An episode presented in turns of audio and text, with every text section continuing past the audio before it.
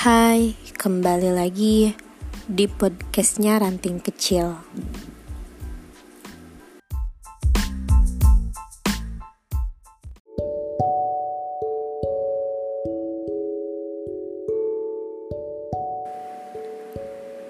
Waktu itu, kau datang dengan penuh keyakinan, memberiku ruang untuk menerima kasihmu, memberiku waktu untuk membersamaimu, mengajakku bersatu merajut asa, mengajakku bercerita untuk menabung rindu, sampai akhirnya kedua saling itu tak lagi penting dan menjadi asing.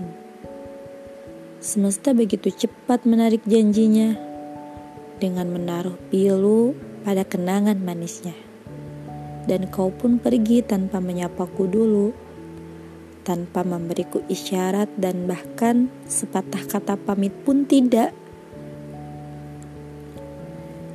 Inginnya berbalik arah seperti ketika semua masih baik-baik saja, tapi waktu tak akan berjalan mundur. Maunya berjalan bersama, tapi sudah terlanjur berbeda.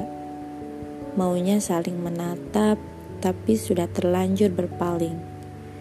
Maunya tetap menetap, tapi sudah terlanjur pergi.